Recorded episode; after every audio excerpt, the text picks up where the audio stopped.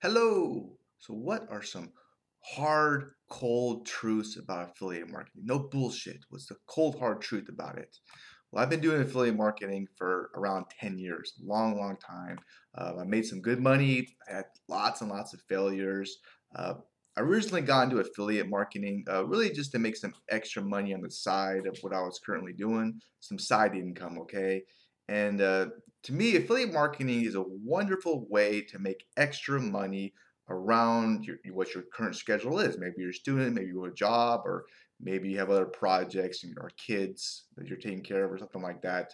Um, relying on a job to take care of you, I, I feel is very risky nowadays. Okay, I've been laid off, I've been fired, I had a company go bankrupt on me. Um, it's just good to hedge your bets, so to speak. Okay, this is the same thing with affiliate marketing. Okay, uh, I was around when Google changed their algorithm, and my business took a nosedive like a plane. Uh, Google used to look at backlinks for everything to determine which site they ranked in their search engines. And so I did what they wanted to. I got a shitload of backlinks to my stuff, and now they changed it. Oh, backlinks are no good. They hurt your rankings. Ah. The same thing with Instagram with, with the influencers, right? They changed the algorithm and then they all lost a lot of business. So the moral of the story is, is the, the, the internet will continue to change and evolve and it's always going to change and evolve going forward into the future, okay? It's something to think about. Uh, this is why I'm a big believer in getting traffic from a wide range of sources, not just relying on just one because uh, things change. Um, also, here's an idea. I don't rely on just affiliate marketing for money. Yeah, to pay my bills. Uh, I do other work as well. I do this pretty much on a part time basis. Some months I do pretty damn good. You know, I make some pretty good money, and some months I don't make shit. Uh, that's another really cold, hard truth to affiliate marketing because it's performance based. Okay.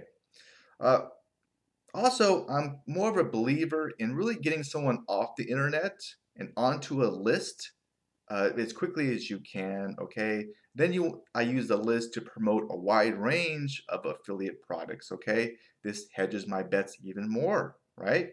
Uh, and another thing which I've been thinking about, and this is another cold hard truth, a lot of the tools to really, well, software and tools to make money with affiliate marketing, like fancy lights, this like cameras, or you know maybe even the software to create funnels and stuff they can really add up. They can be very, very expensive, and a lot of shit you don't even really need. Uh, you don't need a lot of this, these bells and whistles to make money. Okay, uh, so the same thing with any business out there. You want to keep your costs down, down, down as much as possible. This is how you make money because it's very easy to just spend yourself out of business. And this is what I've been thinking about. You know, during the gold rush, right? People found gold, the people that made all the money, I think, were the ones selling the shovels and equipment to the positive people looking for gold, right?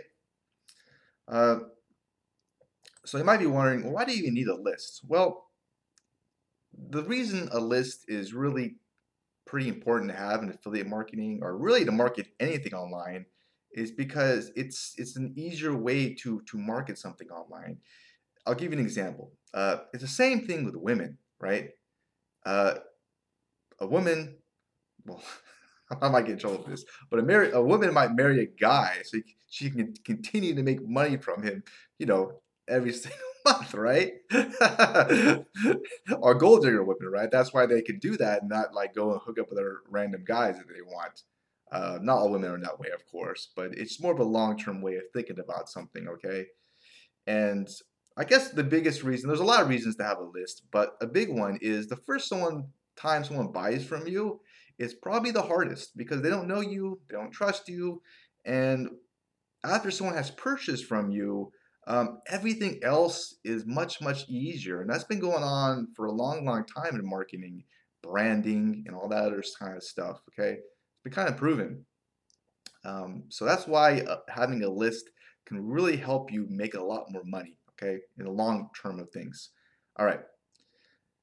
So I just want to give you at least a couple ideas on, you know, about the cold hard truths about affiliate marketing. I, I hope this video or podcast might have been somewhat helpful to you. Um, But enough about me. What about you? What are some cold hard truths you've been finding out about affiliate marketing? Okay, uh, your feedback's always appreciated and welcome as well.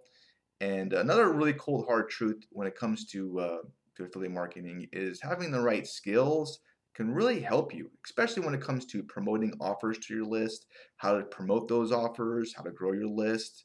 Um, all this is really the foundation uh, to affiliate marketing. And uh, if you want to learn how to do this the right way, uh, check out my website at trustthelink.com or click that link below. You can trust the link. All right. Hey, have a wonderful rest of your day. Take care and bye for now.